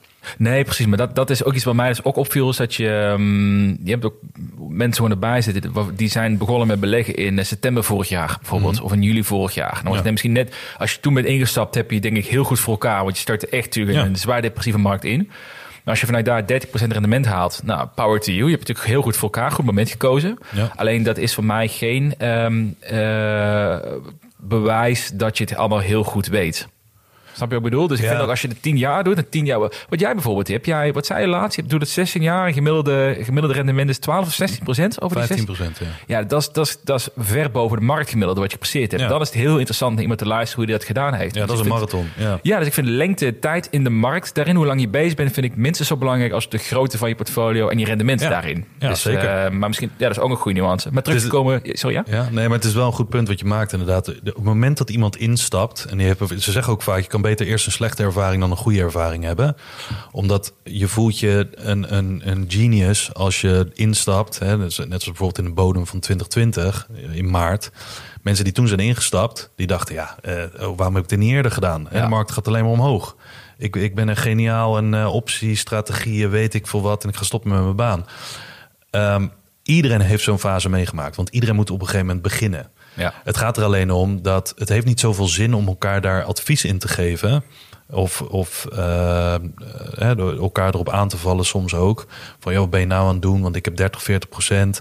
Ja, wat je precies zegt, hoe langer iemand belegt... of überhaupt hoe langer iemand iets doet waar die goed in wil worden... eh, hoe meer cycli je hebt meegemaakt. Ja, ja, ja. Dus je hebt dan zowel de goede tijden als de slechte tijden meegemaakt. En er veranderen natuurlijk dingen in. Maar ik kijk veel liever naar iemand die bijvoorbeeld eh 10% per jaar heeft gehaald over de afgelopen 30 jaar. Dan dat ik kijk naar iemand die in de afgelopen vijf jaar gemiddeld 30% heeft gehaald. Ja. Want dat zegt mij meer. Want aan zo iemand, aan die les heb ik ook wat als de hele boel in elkaar stort. ja, ja Dus klopt. dan kijk je niet alleen maar naar iemand op basis van rendement, van hoe goed ben jij in een bull market, maar je kijkt hoe goed ben jij in een bull market, dan je kapitaal beschermen in een bear market, dan weer op het juiste moment instappen in een bull market en wat zijn je beweegredenen om om te schakelen van offensief naar defensief, offensief. Dat vind ik interessant. Ja, nou, ik denk terugkomen op het verhaal de, de, de, startpunt van het verhaal van het onderwerp is. Het is denk ik heel stoer als je dat wel durft te doen ook. Om dat te kunnen Zeker. vormgeven. Ik zelf ook. Ik heb er zelf ook overwogen om het, om het te doen ook. Maar ik vind het gewoon spannend. Want ik vind als je hem openstelt, moet je hem ook open houden. Ja. En als je een portfolio van een ton of twee ton hebt, dat is misschien nog wel te leien. Maar hè, tien jaar vooruit, als je een miljoen plus hebt, ben je Ja. dan net zo comfortabel als nu met een ton bijvoorbeeld op je rekening? Nou, dat weet ik niet of dat het geval is. Ja, dat vind ik trouwens, om daarop in te haken. Je zegt, als je hem openstelt, moet je hem ook open houden. En daar ben ik het niet zo mee eens. Nee, vind je nee, dat je je moet ook, gewoon echt eh, doen wat je zelf wil. Ik vind dat te veel mensen die hangen aan een soort sociale verplichting. dat Mm, als ze het gedaan hebben, dat ze dan niet meer terug kunnen. En dan denk ik, joh, je moet lekker doen wat je zelf wil. Ja, daar heb je Probeer je het, dan zien een aantal mensen het. Dan zet je hem weer bijvoorbeeld op slot of onzichtbaar. Nou, dan weten die mensen wat je hebt. En ze kunnen een beetje, als ze dat zelf willen... Ja, god, je moet er tijd voor hebben om iemand zodanig eh, allemaal te gaan analyseren... en Excel-sheetjes bij te houden van wat hij doet. Ik zou er geen tijd voor hebben. Nobody got time for that. Nee. Jongen, jongen. Maar goed, in ieder geval, ja, iedereen moet gewoon lekker doen wat hij zelf wil. Wil je het openstellen, voel je daar heel onprettig bij. Want vaak als je het doet, weet je ook pas wat het met je doet. Ja. Ik weet nog dat ik niet mijn naam bekend wilde maken, omdat ik toch veel financiële dingen deel. En ineens, ja, ik liep daar maanden tegenaan en ineens deed ik dat wel. Van, Ja, hey, ik ben. Twan, dit en dat, dit is mijn account. Je kan me ook op LinkedIn, LinkedIn vinden. Je kwam met de kast, kwam je opeens. Ja, nou, eh, zo, vorig jaar. Ja. ja, zo voelde dat. Ja, Ja, nou, had je ook je eigen profielfoto, had je ook, was ook jij in plaats Ja. van een logo. Wat was het? Ja, maar waarvoor was het een logo inderdaad. Dus, maar voelde ik me daar prettig bij? Nee, in de eerste week niet, want Hmm. dat is oncomfortabel. Tweede week, prima. Niks aan de hand. Nooit meer teruggedraaid. Maar had ik, het, had ik het wel gedaan, had ik ook geen Je moeite had nog mee. steeds terug kunnen gaan. Ja, nou ja, nu kan je niet meer terug, want mensen weten wie je bent natuurlijk. Maar hey, we hebben echt een heleboel eh, luistervragen. We lopen veel, veel, veel te ver uit de tijd. Alweer. We merken gewoon dat de McKellen gewoon goed smaakt. Ja, gaat lekker. Dus, het, eh, dus, dus de, Inmiddels zitten we al aan zes glazen. Nee, we hebben, we hebben echt drie slokjes op. nee, dat is een lekker, lekker begin. Maar dat betekent wel, ja, mensen zijn nu denk ik een driekwart van een hardlooprondje. Ja. En eh, we hebben nog behoorlijk wat dingen te bespreken. Dus laten we beginnen met de luistervragen. Ja. Zijn toch degene die we graag willen meenemen? Dit Ja, laten we de eerste doen. Sam. Eh, als bij Twan blijkt dat zijn trade-gedeelte veel beter presteert dan eh, het hold beleggen, eh, moet je dan niet gewoon meer gaan traden met grotere allocaties? Waar zou je dan eh, behouden vast, waarom zou je dan behouden vasthouden aan de lange termijn? Ehm, nou ja, ik bedoel, laat ik allereerst zeggen dat consequent goed traden kost heel veel tijd. Ja. Daar ben ik nu al achter. Ik doe het nog maar net. Nou, ja, tenminste, dat is niet helemaal waar. Want een paar jaar geleden heb ik het ook gedaan, een tijdje. Ehm, maar het is natuurlijk makkelijk om te zeggen in, in zo'n markt als nu, in de eerste paar weken, van ah, ik heb 30% of in mijn geval 11%, prima. Ga je dat volhouden jarenlang? Ik denk het niet. Dus ik niet. Nee, en je moet twee kanten op kunnen treden ook, toch? Ook dat. Ja. ook dat. Of je moet veel geduld hebben, zodat je Mhm. weer op een correctie wacht of wat dan ook. Maar het kost zoveel tijd. Er komt ook heel veel stress bij kijken. Er komen heel veel psychologische dingen. Ik vind het gewoon meer interessant om dat te testen. Ben je ook niet veel meer emotioneel gebonden bij traden? Want je hebt nu twee keer al gezegd van... verdomme, had ik maar gewoon doorgegaan ermee. 38% rendement verloren. Bij je gewone portfolio kijk je daar volgens mij niet zozeer naar... van wat Nee, coulda, shoulda, nee. woulda, zeg maar. Ja, dat klopt. Nou ja, je, bent er meer emotioneel mee verbonden in de. Ja, zeker. Je zit er meer bovenop misschien. Je zit er meer je- bovenop en ja. je denkt van ah, dat, je ziet sneller je fouten en dergelijke, omdat het meer actief is natuurlijk en je hebt er een doel mee. Maar juist dat vind ik interessant om te kijken van hé, wat doet het psychologisch. Maar zou ik aan het eind van dit jaar meer in mijn trade portfolio aan eh, rendement hebben dan mijn kernportfolio, dan nog steeds zou ik de afweging moeten maken. Hè, want het trade portfolio is maar 10% van mijn totale belegde vermogen. Als je met echt grote allocaties gaat werken, komen we heel wat anders bij kijken. Eh, om met, nou, noem maar iets, eh, ik noem maar een wild bedrag, 500.000 euro in je trade portfolio te hebben. Ja, ik zou er serieus, nee, ik zou niet meer durven thuiskomen als ik, eh, als ik 10% verlies heb, bijvoorbeeld. Ziet je vooral opeens die Rolex die nu aan, eh, bij het raam staat opeens. Maar twee van de drie. Dan, Dan, dan, eh, op marktplaats. nee, maar dus, dus om je vraag te beantwoorden, Sam. ehm, eh, nee, ik denk dat ik nooit volledig zou gaan treden. Dat is gewoon niet mijn ding. maar het is leuk voor de bij, kan ik me voorstellen. erbij. Ja, misschien spelen erin misschien ook, blijf ik dat wel twintig jaar lang doen. Geen Ja. idee. Ehm, ja, en dan hebben we nog... ja, voor jou een goede vraag. Ja, Basti, ook via Twitter de vraag van... ehm, nou, ik, ik plaatste laatst een tweet over dat ik nu even geen langkansen meer zie. Ik ben soms wat ongenuanceerd, want je hebt 230 tekens of 280 tekens. Zij zei van, ja, het zijn toch altijd kansen? Zeker bij die onontdekte parels. Vind ik mooi, heeft u goed naar geluisterd naar Ja. de vorige aflevering, Ja. hoe, je die op, hoe je die opzoekt. En ja, kijk, daar heeft hij natuurlijk wel gelijk. En er zijn altijd parels te vinden natuurlijk. Ook ehm, wat ik daarmee bedoelde vooral is... ik heb begin van het jaar een top 10 lijstje gemaakt... wat ik graag zou willen hebben. Daar sta ik achter. Daar wil ik graag eh, posities in openen. Maar ik heb geen haast om, daar, eh, om dat nu al die 10 posities te openen... of mijn portfolio vol te krijgen. En al die portfolio's, al die aandelen zijn dit jaar nu al 10 tot bijna 30 procent iedereen gestegen. Ja. Dus ja, ik heb geen haast. Dus ik, daarom zei ik, ik wacht eventjes, want we zien wat er gaat gebeuren. Ik heb niet voor niks een hedge tegen ook de, de eventuele daling. Dus dat, eh, we gaan zien wat daar gaat komen. Eén wat ik wel erbij wil zeggen, nog als laatste toevoeging. Ik denk wel, en dat is eh, een denkfout die ik, denk ik zelf onbewust ook maak. Ik weet niet of jij dat herkent. Is als, als je ziet dat bijvoorbeeld een koers 20% stijgt, ga je automatisch denken, ja, nu is het te duur. Ja. Terwijl het totale onzin is. Er zijn er Ja. steeds aandelen die super interessant zijn met een hele lage PI en wat dan ook, of sales. Ik denk, van, ja, dat is nog steeds super interessant, maar zo voelt het niet meer. Ken je als, dat? jij- als jij verwacht dat je de. nee, maar dat, dat is ook een beetje het punt. Hè, ik zat ook naar die vraag te kijken. En er zijn altijd kansen, maar op welke termijn? In Mhm. de zin van. Als nu iets bijvoorbeeld 20% is gestegen, maar je verwacht dat het de komende vijf jaar nog een keer 100% stijgt. Hè, dat je verwachting op basis van je analyse die je hebt gemaakt en je onderzoek. Ja, waarom zou je dan nu niet instappen? Ja. Dan heb je niet de bodem gehad, heb je niet de eerste 20% gehad, maar dan heb je nog steeds 100% hè, mogelijke potentiële winst. Maar dat is, dat is heel rationeel. Hè? Ja. Eh, Je hebt ook helemaal gelijk op maar ook maar emotioneel. Ja, Ja. dat is best wel. Dat, dat vind ik misschien wel het lastigste om momenten zoals deze in te stappen. Ja, het voelt ineens alsof je iets heel duurs moet kopen... terwijl het een paar weken geleden een stuk goedkoper was. Terwijl het nog steeds eh, 80% onder de, je, Ja. de koers van een jaar geleden stond, Ja, bij wijze van. precies, dus dat, eh, nee, dat vind ik wel interessant. Maar ik heb er nog steeds geen, geen, geen goede mentale oplossing voor. Misschien moet ik toch een chip installeren dat gewoon alle emoties uit kan zetten. Nee, ik heb er wel iets voor, in die zin. Eh, whisky. Nou, Over lammen. ja, ik, ik koop gewoon drie, drie extra flessen whisky. Nee, eh, nee maar gewoon een deel, eh, een deel gaat gewoon emotieloos... in een eh, maandelijks beleggingsschema. Ja. Maar Wat- dan gewoon wat- klein. Wat je met bitcoin zo ook doet, toch? Ja, gewoon klein. Maakt niet uit wat de koers is. En ja, dat, dat voorkomt dat ik helemaal niet instap. Want het kan zijn dat het Ja. vanaf, vanaf nu compleet doorstijgt. Dat kan. ja, klopt. Dan heb ik wel een kleinere allocatie met al die maandelijkse inleg. Eh, dan dat ik al mijn geld erin zou gooien als het nu vervolgens eh, weer terugkomt op het punt waarop het eh, drie weken geleden stond. Dat je denkt van yes, dit is mijn kans. Hij stond 40% hoger dan drie weken geleden. Nu is het weer ingestort. Nu ga ik instappen. Ik denk overigens dat je het dan nog steeds niet doet. Want dan hou je jezelf niet. weer tegen. Exact, ga je weer kan, redenen kan nog steeds lager. Ja, dus exact. daarom doe ik ook een deel gewoon maandelijks.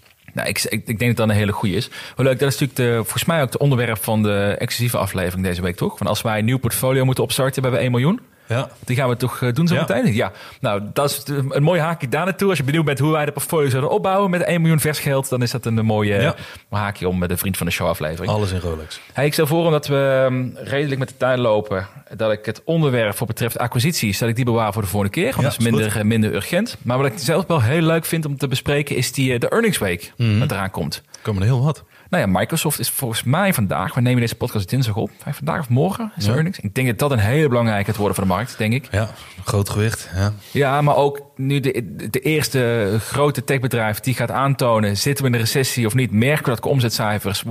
Ik denk als Microsoft eh, nu gaat overscoren Ja. vandaag, dan, dan is de komende week is het uh, Walhalla, is het... eh, Maar Netflix is al wel geweest, toch?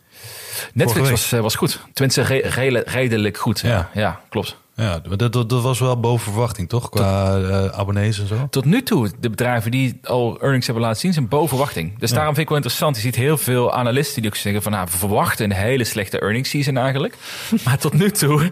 Maar dat, dat, zei, dat, Man, dat man, las ik op, um, op nu.nl. Ik weet niet meer wie dat zei. Die zei ook van, de, er was heel lang werd er ook in Nederland een recessie verwacht. Die zeiden, ja, er is zoveel geld, er wordt nog steeds uitgegeven door de consument. Er komt waarschijnlijk geen recessie meer in Nederland.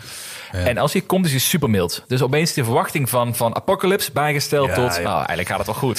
dat is toch bizar ook, hè? Ik vind het zo bizar hoe al die dingen uit elkaar lopen. En op ene maand, in de ene maand is het gewoon inderdaad, koop een bunker. En in de andere maand is het van, ja, je bent gek als je een bunker hebt gekocht. Bijzonder hoe dat gaat. Maar, maar ga, jij, ga jij er iets mee doen? Eh, de- hou, je, hou je er rekening mee met earnings season? Nee. Is het voor jou gewoon meer van je kaartje aandelen volgen en klaar? Of ga ik denk je van... Eh, voor mij is het een redelijk non-event. Ik bedoel, voor mijn kernportfolio in de posities die ik wil opbouwen, ehm, ja, kan het zijn dat bijvoorbeeld, hè, nou dan kan ik bijvoorbeeld meer opbouwen als het even wat tegenvalt.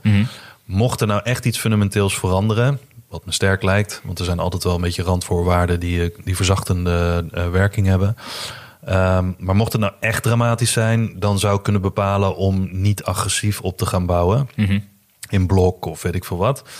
Ehm, maar in mijn trade portfolio bijvoorbeeld, daar hou ik er dan wel rekening mee. Maar ik koop nooit aandelen voor een earning. Dat vind ik echt gokken. Ja, nee, zeker. Dat, dat, dat, dat is een beetje, ja, nou ja, dat vind ik echt gokken. Dus dan wacht ik meestal, als het heel positief is, dan denk ik, ah, balen, had ik kunnen kopen.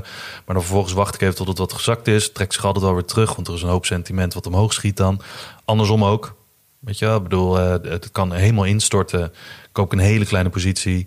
En dan vervolgens wacht ik eventjes of het zich herstelt... of dat het echt daadwerkelijk gewoon echt instort. Ehm, maar voor mij is het een redelijk, redelijk non-event. Ik neem ook geen nieuwe posities in trouwens. Zijn er ook aandelen wel waar je nu kijkt, waar je nu je positie net, waar je eh, met meer interesse dan normaal naar kijkt? Nee, ik kijk met, eh, naar allemaal wel eh, met veel interesse. Maar dat ook omdat er een paar in zitten die ja, toch wel weinig, ehm, hoe noem je dat? Eh, veel omzet hadden, maar weinig winst. Hè, dus nog niet positief zijn geweest bijvoorbeeld. Daar kijk ik wel naar of dat dan verslechtert of dat het dan iets verbetert. Weet je, als ze nog steeds geen winst maken, prima. Maar als er maar niet een enorme dip in zit of wat dan ook. Dus dan, eh, maar ik, ik, ik heb me wel voorgenomen, ik ga niet verkopen. Nee, nee. Want ik geloof in de bedrijven die ik heb. Eh, maar wel misschien minder agressief. Of juist weer agressiever inleggen op basis van earnings. Maar daar moet ik eerst de earnings voor. eh, Nee, precies. Maar ik was meer benieuwd van zijn er, aan, er zijn vast aandelen die ehm, eh, misschien wel een, een spannendere earnings call hebben dan andere. Ik, ik dacht bijvoorbeeld aan Coinbase. Ja. En bij jou dingen op blok in dat Ja. geval. Natuurlijk, crypto was heel lang dood. Je hebt het gevoel de laatste twee maanden dat het weer op het komen is. De, de prijzen zijn enorm gestegen. Trainingvolume is weer gestegen. Dat zou best wel eens een verrassing kunnen zijn dat daar de, de omzet of de onder below the line veel hoger is dan mensen hadden verwacht. Omdat ze rekening hielden met een dode cryptomarkt in Q4 en eh, tot nu toe. Ja, maar het is ook niet een super levende, levendige cryptomarkt geweest. Hè? Want de volumes zijn volgens mij nog best wel beperkt. Oh, en het ook ik. Q4 natuurlijk. Q4-cijfers. hè? Toen was het toen helemaal, eh, helemaal lam. nog. Ja, daarom. Ja, dus ik, ik verwacht daar niet heel veel van. Misschien van de volgende twee kwartalen. Dat je dan wat kan zeggen erover. Tenminste, eh, zoals ik naar kijk. Maar ehm, nee, ik heb er niet bijzondere verwachtingen van. En het maakt me ook eigenlijk niet zo heel veel uit. Nou, ik, moest, ik heb, nee, misschien dat eh, voor de meesten niet. Ik maak me wel niet zorgen, maar ik ben wel voor twee heel benieuwd. Ik heb bijvoorbeeld met, met Canoe wordt echt wel een hele belangrijke ook weer. Want die moeten dit jaar gaan leveren. En ze hebben nog Ja. steeds bepaalde informatie. Maar Wat dat zijn best wel een beetje gedeeld hebben. do or die aandelen, toch? Dat zijn, ja, klopt. Ja. klopt. Dus dat, daar moet je toch ieder kwartaal is toch wel belangrijk dat daar een duidelijke vooruitgang in zit. Terwijl in Coinbase kan je, weet je, die kun je jaren die kunnen jaren op een klooi bij wijze van spreken. Nog steeds denk je dat nummer één exchange, crypto, dat komt wel goed. Ja. Ja, maar, maar dat zijn wel dingen waar ik iedere keer met eh gespannen billetjes eh met een whisky erbij Komen, komen, ze dan weer op dezelfde dag ook? Desktop Metro Ach en man, ik hoop het niet weer. Dat is al de laatste vijf kwartalen Ja. dezelfde avond geweest. Ik heb elkaar even gebeld de hele tijd. Nee, dat hoop ik niet. Maar oké, maar je gaat er dus niks mee doen? Nee, helemaal niks. Ik ook niet. Ik ga het wel volgen. Ik ben wel echt Oh, heel. ja, ja, ja, het is wel ook. echt een heel leuk earnings doen om te volgen. Ik ben Ja, heel leuk. benieuwd wat er gaat komen, namelijk. Dus, eh, zullen we nog de laatste twee laatste vragen doen ook? Zeker. Dan kunnen diegenen die langzaam het uitlopen zijn met een hardlooprondje. Ja, we pakken hem heel snel mee. Nee, we hebben nog tien minuten, kleine tien minuutjes denk ik. Maar dat moet helemaal lukken. Ehm, de eerste, Klim. Oh, die is, die is van mij, eh, zie ik nu. Benieuwd waarom Jasper zich niet richt op dividend... of die op latere leeftijd wel zou gaan overwegen. Nou, ik vind het eigenlijk wel een leuke. Eh, Ik heb erover nagedacht ook. En we hebben natuurlijk al een beetje net discussie gehad hè, over dividend beleggen daarin. Maar ik zou oprecht, ik denk dat je heel goed moet kijken naar welke flow je zit van je investeringscarrière, waar we net een beetje over hebben gehad. Ja. En op dit moment, als ik, eh, als ik nu een dividend zou gaan beleggen, zou het een paar honderd euro per maand misschien opleveren, of niet eens. Ja. En, eh, nou, trouwens, ik kan even niet, niet snel uitrekenen, maar het, is niet, het voegt niet veel toe. Maar ik zou, als ik een eh 1 of 2 miljoen zou hebben, zeg dat ik een, een 2 miljoen in een aandelenportfolio heb. Misschien jij voor jou hetzelfde. Mhm. Als je dan een, een dividendportfolio pakt met 2% gemiddeld, wat conservatief is, dan kun je in de Coca-Cola's, PepsiCo's zit een Ja. beetje op dat niveau, die groei ik ieder jaar nog. Dan doe je gewoon 40k per maand doe je aan dividend. Ja. Kijk, dan wordt het heel interessant. En dan Ja. heb je beschermend voor je, voor je nette vermogen en je hebt een mooi passief vermogen erbij.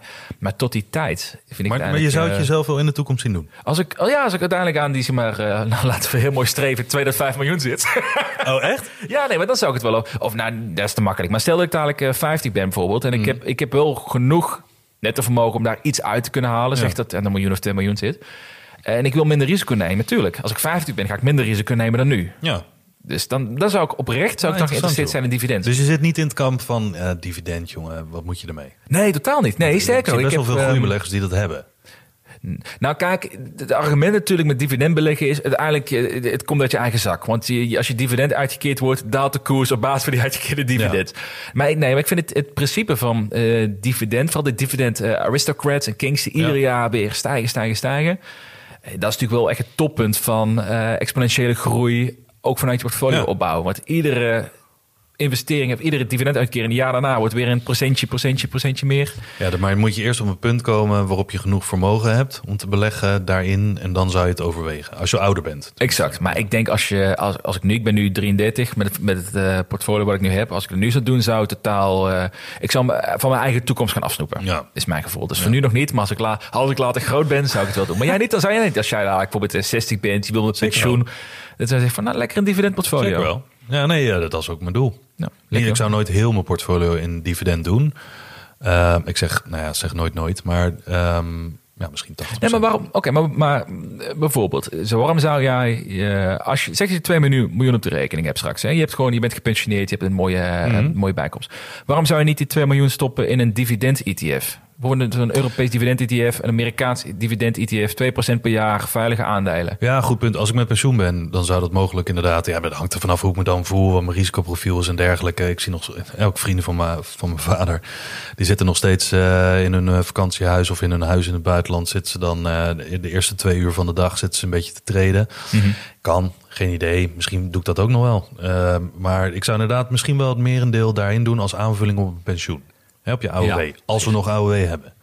Dat weet je ook niet. Dat is Heel een mooi, onderwerp. dat is ook een heel mooi onderwerp. Ja, Maar, nee. maar hoor ik al een beetje dat ik wel alvast een Twitter-account eh, Trader Twan moet gaan claimen? Nee, of is dat, eh, als je Nee. like 60 bent, dan... eh, Ja, gra- grandpa, grandpa trader. Ja. Gripper trader, lekker niet. Nee, dus, dus dat, nee, zeker niet uh, onwillekeurig tegenover, maar wel volgens de juiste voorwaarden in de juiste levensfase. Ja. Dus, dat. En nog een vraag, die is meer voor jou, want ik, eh, die is namelijk over of partners, of je daarmee samen mee belegt, of je op één hoop gooit of niet. Ja, Nou, Jen, Jen vraagt, beleggen jullie partners ook of gooien jullie alles op één hoop? Nou, dat is meer een vraag voor jou en ik hou me naar buiten. Ja. Dus, eh, Ehm, nou ja, ik ben sowieso in de hele discussie van... zou je één gezamenlijke rekening moeten hebben en dergelijke... val ik altijd wel redelijk... eh, word, word ik buiten de deur geschopt. Omdat ik vind namelijk... Dat, dat, ja, en dat zal, dat zal voor mij ook nooit veranderen. Ik vind dat je als partners... eh, je eigen rekening moeten hebben en dan een gezamenlijke rekening. Maar altijd iets voor jezelf om je zelfstandigheid te behouden. En ook om hè, niet je te ver- verontschuldigen als je een of andere domme aankoop doet of wat dan ook. Wat, tenminste, wat de ander dom vindt. ja, ja. Eh, een beetje je eigen Guilty pleasure aankopen, wat jij leuk dat vindt. soort Ja, dingen. joh, precies. hou lekker je eigen ding. Ja. Nou, goed, hè, daar maak ik mezelf niet altijd heel populair mee. Maar eh, want dat, dan zeggen mensen van... joh, heb je dan geen vertrouwen en zo, weet ik veel wat. Nou, daar heeft niks mee te maken. Maar met beleggen... ehm, nou ja, ik beleg eh, het meeste Mhm. in die zin van, van ons tweeën. Maar ik heb wel tegen mijn vriendin gezegd... ehm, het is goed om er ervaring mee te krijgen Mhm. met beleggen. Dus die heeft gewoon bij Brand New Day een beleggingsrekening. Eh, en die doet wat dingetjes, eh, eh, nog wat los erbij, maar op een maandelijkse basis. Ze heeft mijn portfolio nagemaakt, zeker. Niet? Ja, ja. en dan gaat ze vol in. S'nachts om twee uur zit ze analyse te maken. Nee, maar, dus, maar dat is puur... En het is voor, voor haar een, een kleine bezigheid in die zin. Een beetje meer geautomatiseerd. Omdat ze dan ook wat meer gaat begrijpen wat de werking is. En eh, hoe kan het nou 10% eh, eh, in de min staan in zo'n jaar. Ze zal het niet echt super voelen. Maar ze, ja, het is wel genoeg om even wat vragen te stellen. Nou, en, en het lijkt mij heel fijn voor jou ook dat je, dat je dan een, een partner hebt die ook gewoon het goed begrijpt. Als jij eens uitlegt hoe het ervoor staat, dan is het niet abacadabra voor die ander. Ja, ja, en ik wil niet zeggen dat ze elke, elke dag aan mijn shirt trekt van... hey, hoe zit dit? En eh, ik wil in nieuwe dingen, dingen beleggen of wat dan ook. Dat niet. Maar het, ja, weet je, het zaadje is dan geplant in die zin. Dus ik vind dat... Ja, dat vind ik persoonlijk. Maar dat is misschien omdat ik zo erg met beleggen bezig ben. eh, ben.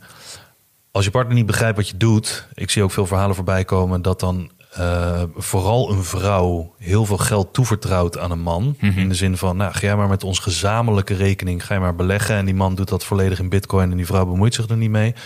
Ja, dan, dan krijg je gewoon hele rare discussies over geld. Waarom heb je dat gedaan? Het staat nu 50% minder. Dit geld was bedoeld voor onze bruiloft, noem het maar op. Maar als je de werking er niet van weet... van hoe beleggen werkt en dat soort dingen... dan kan je er niet zo heel veel over zeggen.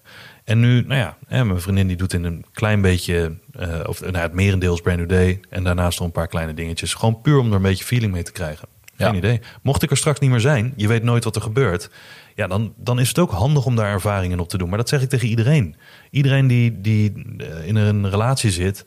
behoud een beetje eh, autonomie daarin. Nou, ik vind dat een heel goed punt. Maar dat, dat je elkaar financieel begrijpt. Ja. dat een hele belangrijke ja, is toch ook. ja, je hoeft er niet uh, lange discussies over te hebben. Maar in ieder geval dat je weet waar iemand een beetje vandaan komt. Ja, nou, vind ik een hele goeie. Ja. Ja. Nou, dat is een goede, goed antwoord van Jen. Ik ben heel benieuwd ook wat zij daarvan vindt. Misschien een leuke Twitter-poll trouwens. Is dat? Ben ik wel benieuwd naar wat mensen daarvan vinden. Oeh. Dus welkom je op het randje van mensen die er wel een mening over hebben. Maar dat maakt het ook hartstikke leuk. Nee, dat is goed.